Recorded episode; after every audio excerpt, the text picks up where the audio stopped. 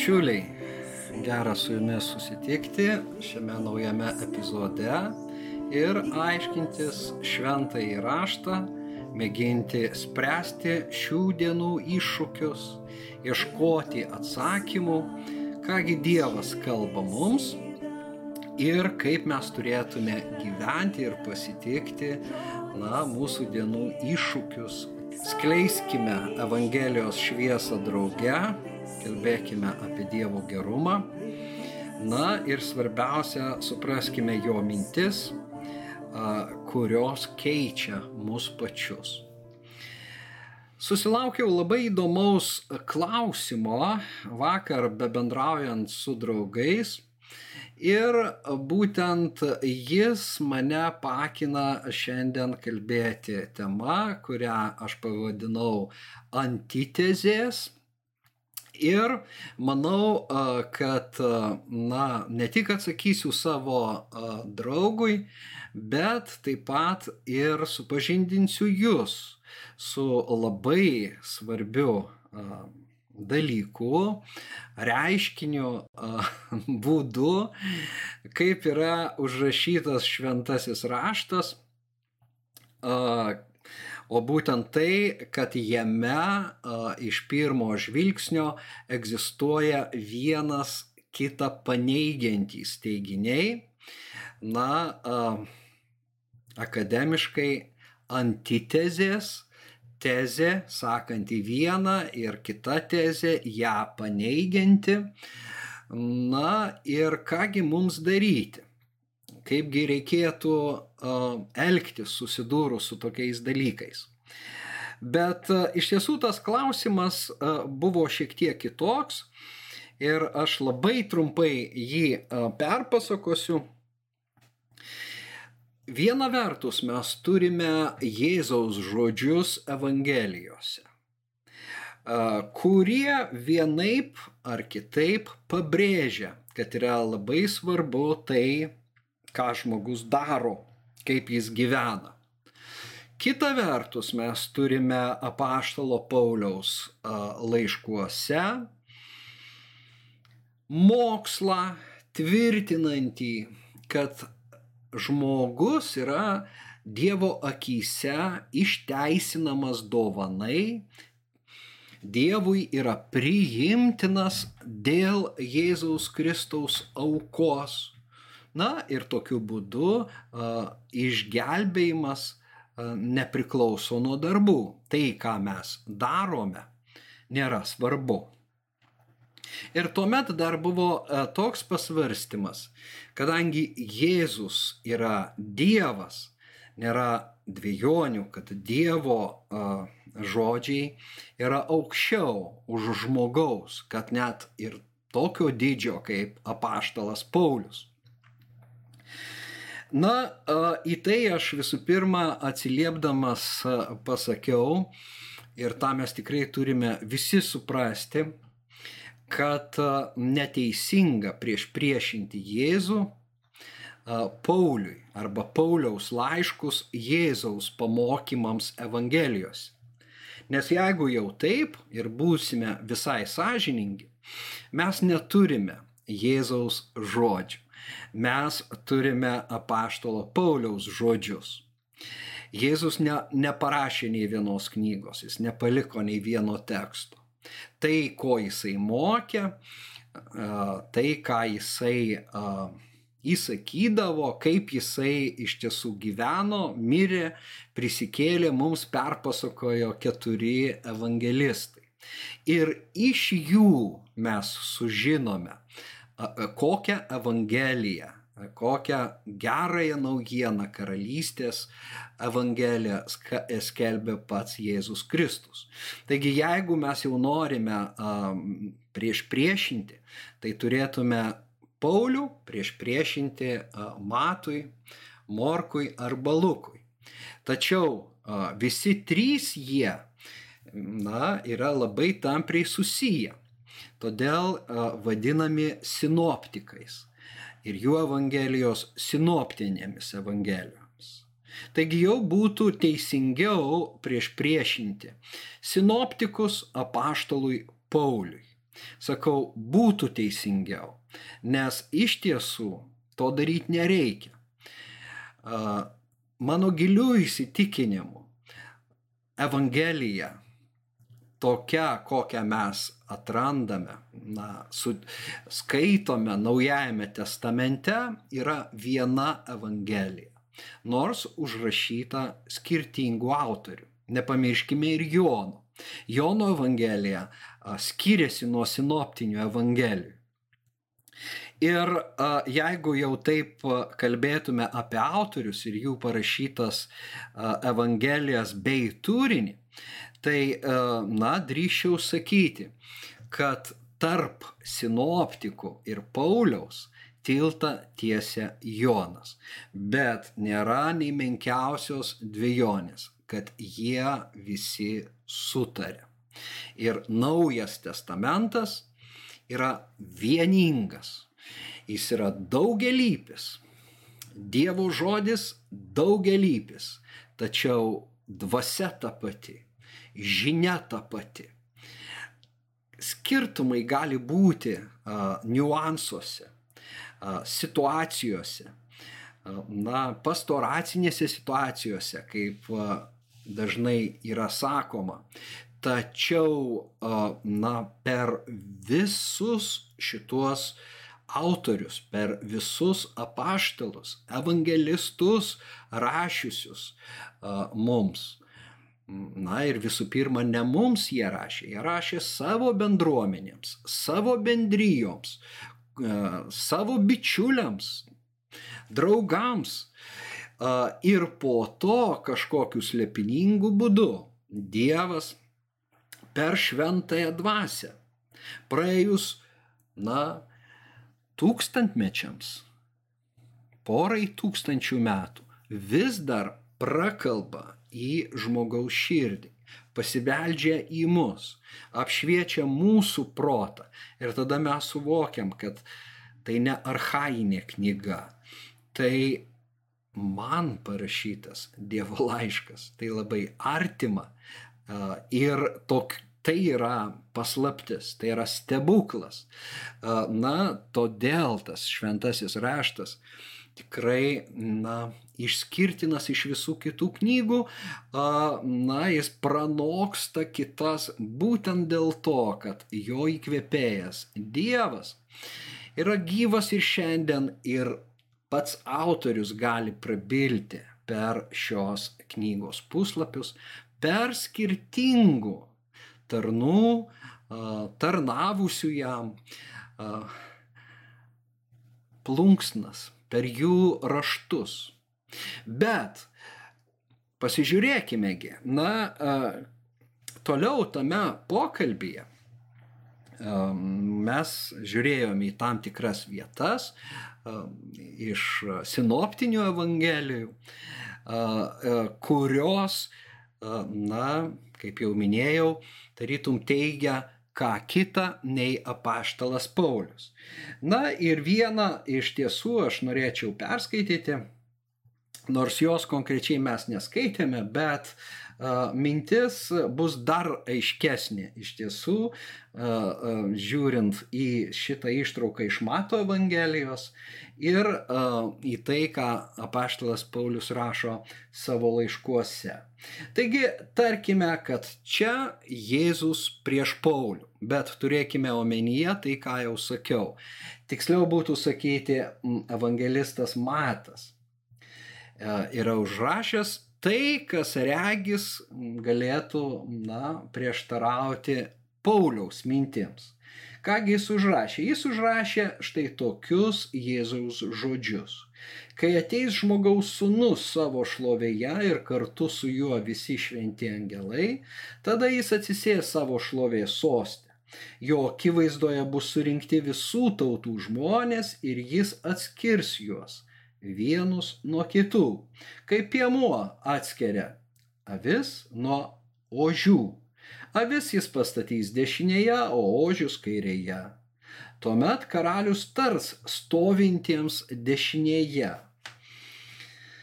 Ateikite mano tėvo palaimintieji, paveldėkite nuo pasaulio sukūrimo jums paruoštą karalystę. Nes aš buvau išalkęs ir jūs mane pavalgydinote, buvau ištroškęs ir mane pagirdėte, buvau keleivis ir mane priemėte, buvau nuogas ir mane aprengėte, buvau ligonis ir mane aplankėte, buvau kalinys ir atėjote pas mane. Tada teisėjai klaus. Viešpatie, kadagi matėme tave alkaną ir pavalgydinome? Ir atsakys jiems karalius, iš tiesų, sakau jums, kiek kartų tai padarėte vienam iš šitų mažiausiųjų mano brolių, man padarėte. Na, šiek tiek patrumpinau tekstą, tačiau mintis labai aiški paskutinis teismas, didysis teismas. Na ir karalius iš tiesų simbolizuoja patį Kristų. Ir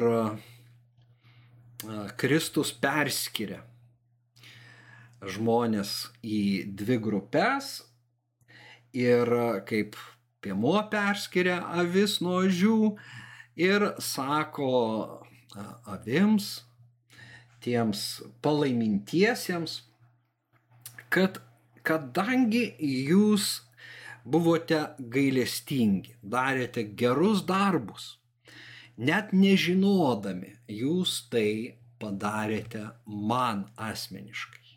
To, todėl aš atlyginsiu jums.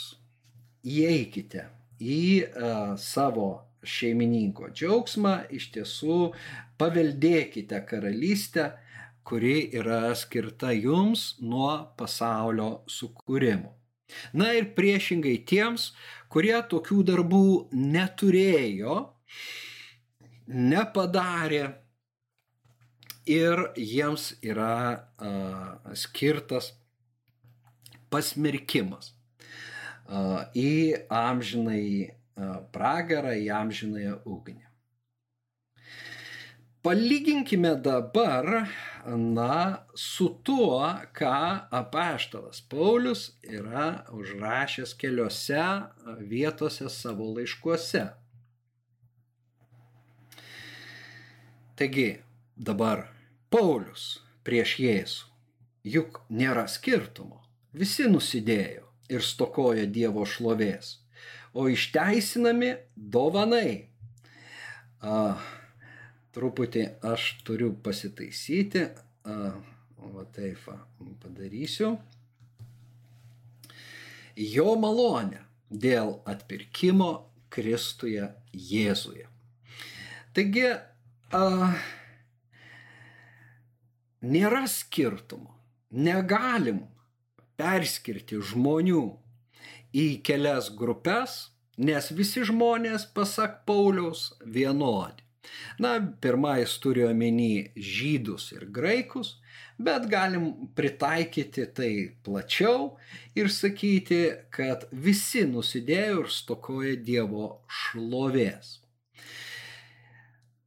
Ir išteisinti, na, a, Dievo akise bus tik tai dovanai, jo malonė dėl atpirkimo Kristuje Jėzui. Bet jei malonė, tai ne dėl darbų. Antraip malonė nebūtų malonė. Juk jūs esate išgelbėti malonę per tikėjimą ir tai ne iš jūsų, tai Dievo dovana, ne dėl darbų, kad kas nesigirtų. Na, labai uh, iš tiesų gražios vietos, labai stiprios ir iš tiesų tai yra, na, išteisinimo malonę per tikėjimą pamokymai. Tai yra geroji naujiena, kad nei vienas žmogus jokiais savo darbais negalės pasiteisinti prieš Dievą. Kurisgi teisus? Ar a, Matas perpasakodamas Jėzų, ar Paulius? Atsakymas, kad šios dvi Evangelijos vietos sudaro įtampą, kurios mums nereikėtų panaikinti. Ir tai aš dar pakartosiu ir parodysiu jums, bet pirma, tai, ką mes turime, tai, ką mes perskaitėm, yra tik Evangelijos ir apaštalo Pauliaus tekstų fragmentai. Tai nėra visa Evangelija ir tai nėra visa, kas parašyta Pauliaus laiškuose. Todėl yra taip svarbu matyti visumą, ką užrašė sinoptikai, ką užrašė Paulius. Negalim paimti tų dviejų polių, kurie beje egzistuoja. Tų toliausiai nutol, nutolusių viena nuo kitos kraštinių tos erdvės. Ir sakyti, žiūrėkit, štai kokia prieštara. Na ir padaryti dar išvadą, kad be abejo Jėzus aukščiau už Paulių. Todėl mums labiau reikėtų klausyti sinoptikų.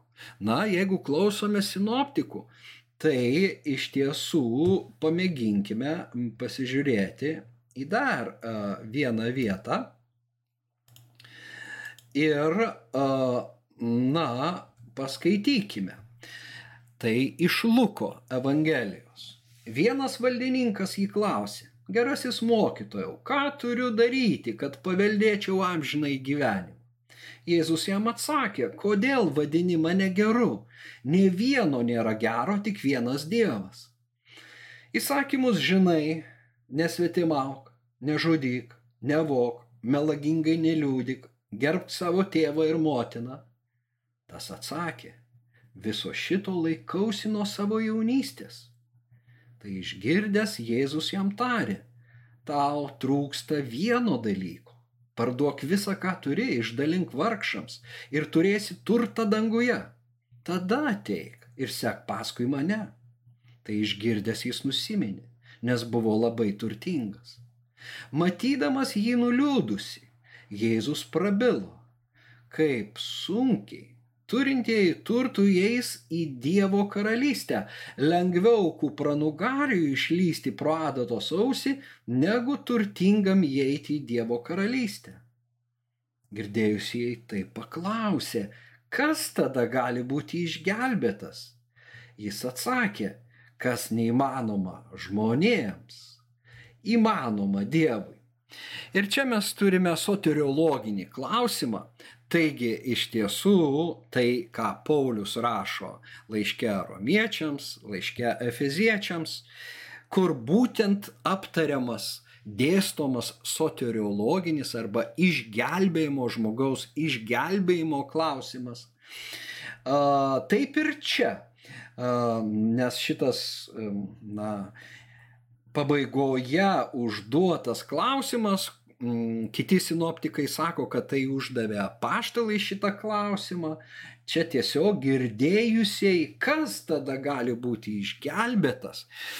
Jis, na, atsako apskritai e, į klausimą, nuo kurio prasideda šitas epizodas. Gerasis mokytojau, ką turiu daryti, kad paveldėčiau amžinai gyvenimą.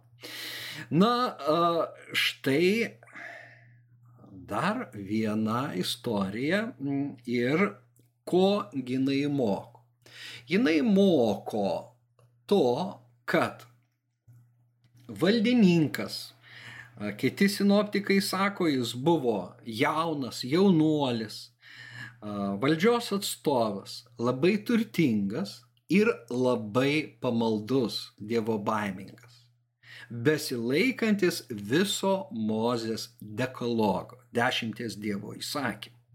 Ir jis sako, gerasis mokytau, ką turiu daryti, kad paveldėčiau amžinai gyvenimą. Na, e, Jėzus jo meilikavimą čia pat sudraudžia. Kodėl vadini mane geru? Tik vienas Dievas geras. Čia jau aš girdžiu, nežinau kaip jūs, bet aš jau girdžiu uh, Pauliaus atgarsius, uh, mi, Pauliaus minties atgarsius. Visi nusidėjo ir stokoja Dievo šlovės. Be abejo, Jėzus yra benuodėmės, bet tas jaunuolis to tikrai nežino. Ir tas jo, na, sakytume, pataikavimas nėra tikras jį čia pat Jėzus apšviečia. Vienas Dievas geras. Bet tuo met, kai Anas pasako, kad jis nuo savo jaunystės laikosi visų įsakymų, mes galėtume laukti, na, Dievo įsakymų, kad Jėzus pasakys, šaunu, tu tikrai paveldėsi amžinai gyvenimą, toliau taip. Deja, jis to nepasako. Priešingai, jisai pakelia kartelę į tokį lygį, kurio neperšoks nei tas jaunuolis, nei kuris nors kitas žmogus. Nebent įsimaišys, įsikiš pats Dievas. Tik tuo atveju.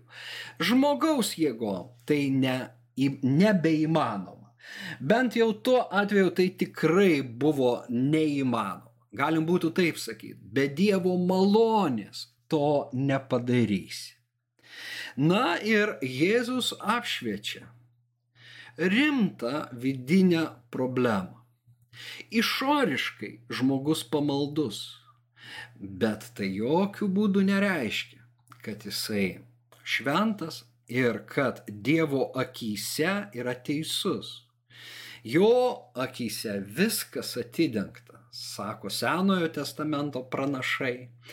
Jis tyria širdį, jis mato giliau, jis, jo žvilgsnis prasiskverbia iki pat sielos ir dvasios atšakos. Žodžiu, taip giliai, kaip joks žmogus to negali padaryti ir todėl uh, jis sako, ten uh, yra na, nedorybė, godumas, Ir, e, na, tu gali ją nugalėti, tą nedorybę, parduok viską, atsisakyk iš tiesų godumo. Na ir sek paskui mane. Sek paskui mane, tapsi vienu iš apaštalų, nes ir kitiems apaštalams skambėjo šitie žodžiai. Tačiau jis nuliūdo, jam, na, tikėjimo kelionė baigėsi toje vietoje.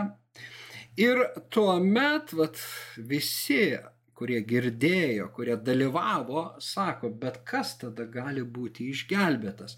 Ir Jėzus mm, tiesiai šviesiai pasako, žmonėms tai neįmanoma. Čia skirtingai kiekvienas sinoptinis evangelistas tą užrašo, Lukas, kas neįmanoma žmonėms, įmanoma Dievui, kiti žmonėms tai neįmanoma, bet viskas įmanoma Dievui. Tai neįmanoma žmonėms. Kas neįmanoma žmonėms? Žmonėms neįmanoma išsigelbėti savo pastangomis, darant tai, kas gera. Darant tai, ką Dievas įsakė Mozės dekaloge, ar ne, įstatymę. Dešimt Dievo įsakymų vykdant, išsigelbėti neįmanoma.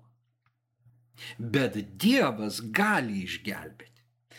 Štai mes turime pačiuose sinoptikuose vietą, kuri iš tiesų vėl sudaro įtampą tarp pirma skaitytos na, vietos iš Mato 25 skyriuje, skyriaus, kur Jėzus perskiria žmonės į dvi grupės. Vieną, kuri darė na, gailestingumo darbus, o kita, kuri tų darbų neturėjo. Taigi, ką mes čia pasakėm? Mes, na, pasakėm, kad Jėzus patvirtina Paulių, kad tarp sinoptikų ir Pauliaus laiškų nėra prieštaravimų. Tai ta pati Evangelija. Ir iš tiesų, kas neįmanoma žmonėms, tai įmanoma Dievui, tai yra gemalas, iš kurio išauga, na, visas kūdikis, visa Pauliaus Evangelija, visas jos turinys, o ypatingai tai, kad Dievas išteisina nusidėlius, o nusidėliai yra visi per Jėzaus uh, mirtį, per prisikėlimą, per jo auką. Dievas sutaikė pasaulį su savimi per Jėzų Kristų. Dievas tai padarė, Paulius tvirtina.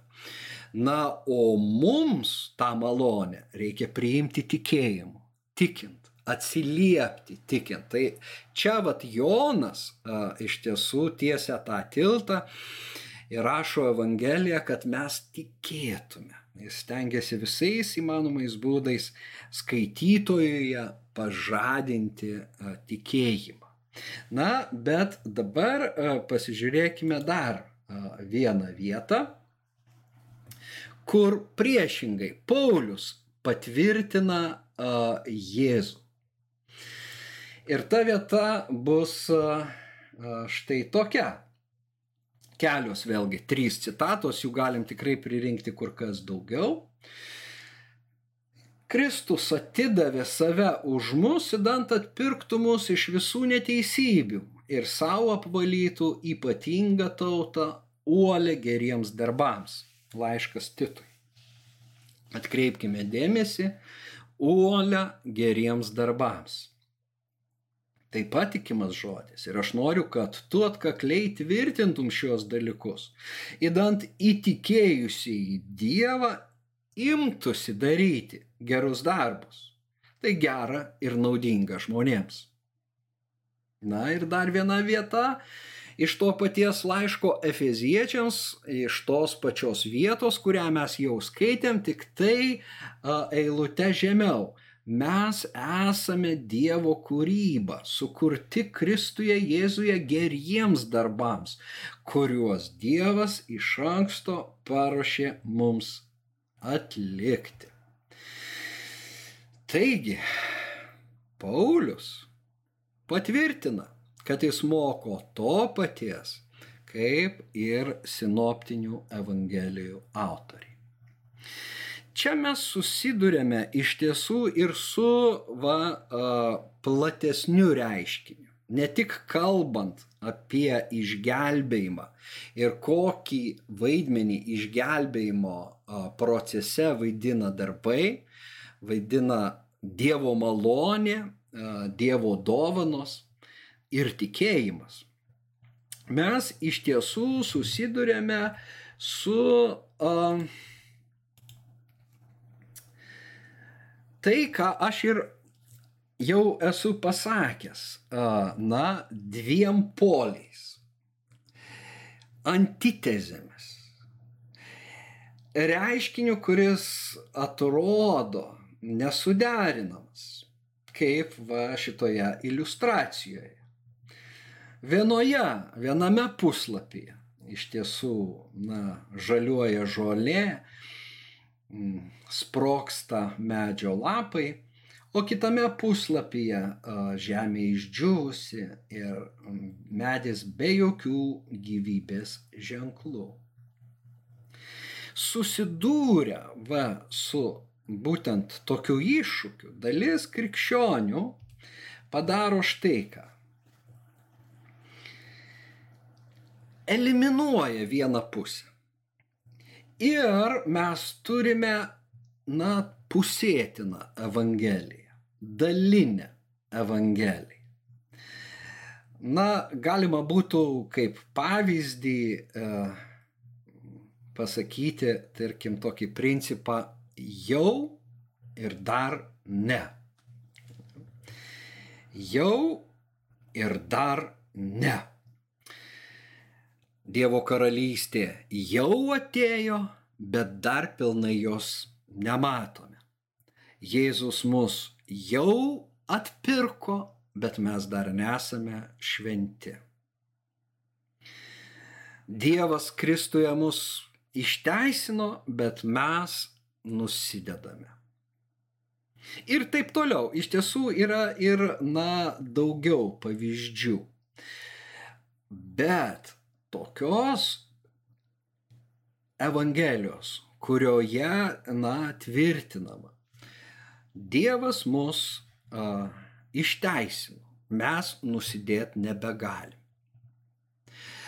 A, dievas mus išgydė, todėl kas serga, tas netiki tai jo paties kaltė. Jeigu tikėtų, pasveiktų. Na, arba priešingai. Kančia yra mums skirta Dievo. Tik per kančią mes tobulėjame. Ir gyvendami su Dievu neturime tikėtis jo palaiminimu, džiuginančių širdį, teikiančių visokiausių, net ir žemiškų gerybių. Žodžiu, du poliai, ar ne? Ir vienas toks, o kitas kitoks. Tačiau abidvi a, tokio pobūdžio evangelijos yra neteisingos ne visavertis, vienpusis. Ir išspręsta įtampa tik tai kuriam laikui padeda. Iš tiesų, po to tai apsisuka prieš taip tikinti. Nes yra ištisi žemės plotai pačiame šventajame rašte, kurie sako priešingą nei ta pusėtina evangelija. Na, tik tai kažkuri viena evangelijos pusė.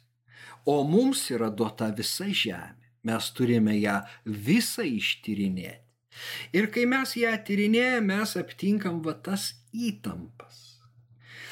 Ir teisinga toje įtampoje gyventi, kol pats Dievas jos neišspręs klaidinga tą įtampą panaikinti, uždengiant vieną Evangelijos pusę. Arba tiesiog nebematant, kai kai kas tiesiog skaito ir praskaito.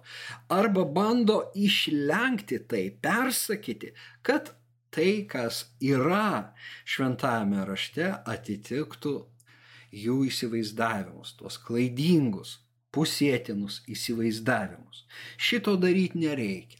Mes turim išmokti gyventi su klausimais be atsakymų. Matyt tas įtampas.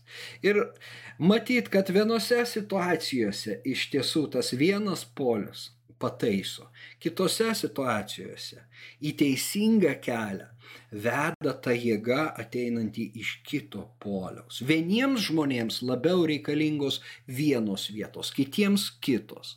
Vienu metu viena, kitu metu kita.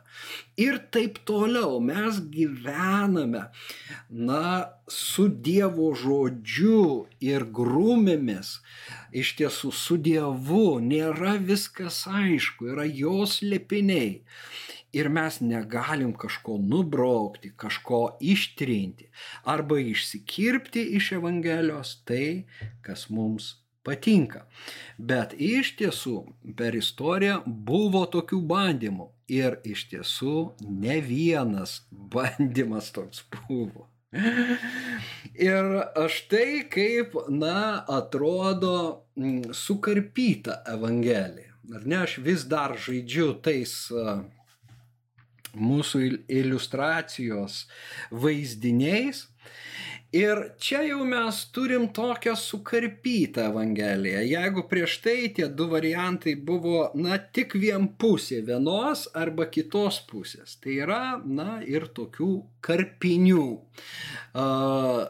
Vėlgi, kurie tariamai atitinka, na, šventojo rašto mintį. Bet sukarpytos Evangelijos be abejo nėra tikros ir nėra pilnavertės jokių būdu. Ir aš jums duosiu tik kelis pavyzdžius, kad, na, tai taptų iš tiesų aišku, ką reiškia karpyti Evangeliją. Markijonas Sinopietis, antro amžiaus rašytojas, bažnyčios na, veikėjas, taip jau įvardinkim, pamokslininkas. Beje, pirmasis naujojo testamento kanono sudarytojas ir kelių knygų autorius. Tarp jų viešpaties Evangelija, kurią jisai sudarė, ir knyga Antitezės Būtent iš čia aš ir pasiskolinau šio epizodo pavadinimą. Jis, tačiau ta knyga nėra išlikusi, beje, antitezės nėra išlikusios, o štai viešpaties Evangelija, nors ją teologai vadina Markijono Evangelija, išlikusi yra, o tiksliau sakant, ji buvo atstatyta, nes be abejo, na, kiti to meto um, bažnyčios tėvai, bažnyčios uh, lyderiai matė uh, Markiono uh, užmojo na, klaidą, jo klaidas raštuose ir pasisakė tiek Tertulionas, tiek Irinėjus. Žodžiu, na, Biblistai pagal uh, išlikusius uh, tėvų raštus uh, atstatė praktiškai, na, kokia buvo ta Markiono uh, sudaryta viešpatės Evangelija. Čia, tarp kitko, yra uh, na, vienas iš papirusų, ant kurių Markiono tekstas buvo užrašytas. Ir, na, tos, tos tie sutrupėjimai, tai jau ne iliustracija tos sukarpytos Evangelijos, bet tiesiog tai taip atrodo tas papirusas. Bet esmė, na, tame, kad Markijonas nepripažino Senojo testamento apskritai. Štai Markionas yra tipinis pavyzdys žmogaus, krikščionio, kuris bando išspręsti įtampą ir, na, nukerpa vieną polių. Tai vad jis nukirpo Senąjį testamentą, nes buvo įsitikinęs, kad Senojo testamento Dievas, Izraelio Dievas niekaip negali būti Naujojo testamento Dievu, kuris save apreiškia Jėzuje Kristuje. Ir Jahve jisai laikė kaip žydų genties, tokį kaip genties dievybę. Demiurga tai yra kurėja, sukūrusi pasaulį, bet kur kas žemesnio rango nei Dievą, kurį Naujasis testamentas ir pats Jėzus vadina savo tėvu. Štai šis buvo aukščiausiasis Dievas, aukštesnis už tą demiurgą ir todėl tai, kas ten parašyta Senajame testamente, nebesvarbu. Bet jis plus išsitraukė ir žirklės. Ne viskas tiko, na, ir iš naujo testamento autorių. Todėl jisai praktiškai apkarpė sinoptikus, na, manoma, kad uh, Praktiškai jisai rėmėsi Morkaus Evangeliją, bet ir ją apkarpė ir įtraukė taip pat dar dešimt Pauliaus laiškų. Na, iš, iš 13 parašytų, bet ir juos apkarpė, ne viską, ne visą Paulių. Žodžiu, tai, kas jam tiko, tiko, tai, kas jam netiko, na, jis iškirpo.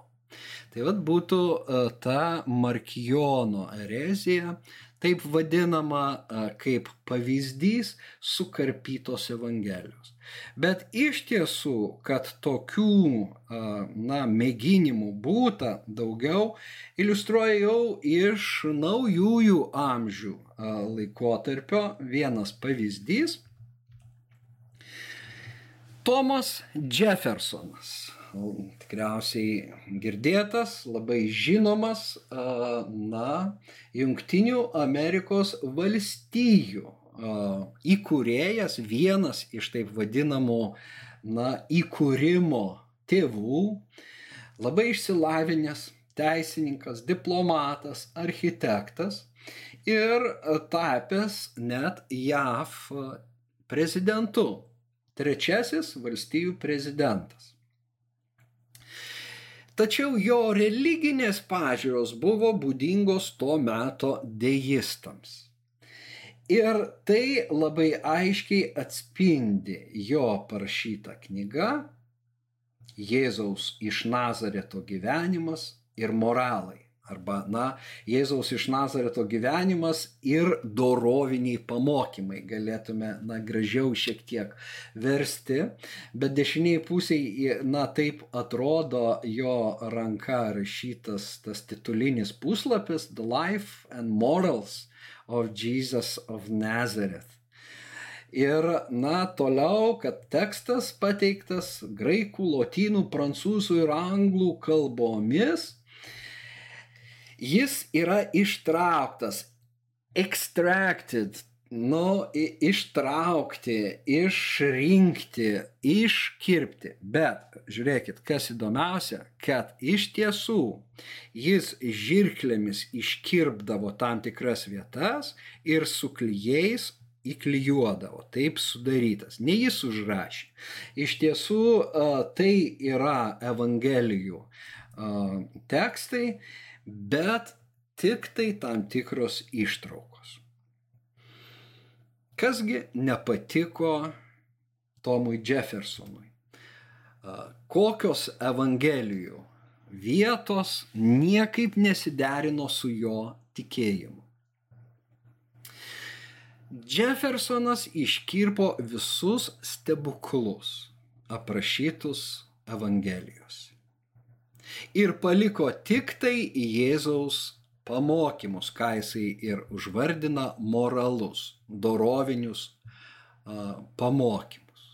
Taigi akivaizdu, kad Jeffersonas netikėjo Dievu, kuris moderniais laikais galėtų daryti stebuklus ir mane, kad tai senovės, na, ne, sakykime, dar nesubrendusios visuomenės charakteristika, kai žmonės tikėjo dvasiomis, stebuklais, na, o modernus žmogus tuo tikėti nebegali, na, mes žinome, kad stebuklų nėra. Jeffersonas buvo apšviestas apšvietos produktas. Apšvietos amžiaus, kuris rėmėsi tik žmogaus protų ir, ir jeigu kažkas išeina už proto ribų, tai yra klaidinga, tai yra nepatikima. Na, o Evangelijose tų stebuklų daug, na, teko juos iškirpti tame tarpe net ir Jėzaus gimimą ir prisikėlimą net iš numirusių. Ką mes turime? Mes turime, na, dorovės mokytoją ir Evangelijas kaip tokį e, etikos vadovėlį skirtą išsilavinusiems kultūringiems žmonėms. Bet be abejo, kad, na, tokia sukarpyta Evangelija nebeatspindi tos tikrosios kurią skelbė tiek sinoptikai, tiek Jonas, tiek apaštalas Paulius, na ir keletas mano dar nepaminėtų kitų autorių Naujojo testamento, galim dar ir Petrą, jo laiškus prisiminti, ir Judą, jo laišką, na ir laišką hebrajams anoniminio autoriaus. Visi jie buvo Dievo pašaukti, Dievo įkvėpti, užrašyti Evangelijos mokslą, perduoti jį savo bendryjoms ir ateinančioms kartoms. Ir šiandien Dievas tą, vat jų užrašytą tekstą, kurį mes įvardinam kaip Naująjį Testamentą, naudoja mums apšviesti, mus vesti, na ir mus išgelbėti. Aš galvoju, kad jums buvo naudinga tai išgirsti, turite daugiau klausimų, nedvėjokite man parašyti. Na ir kviečiu taip pat paremti mano triusą ir linkiu Dievo malonės.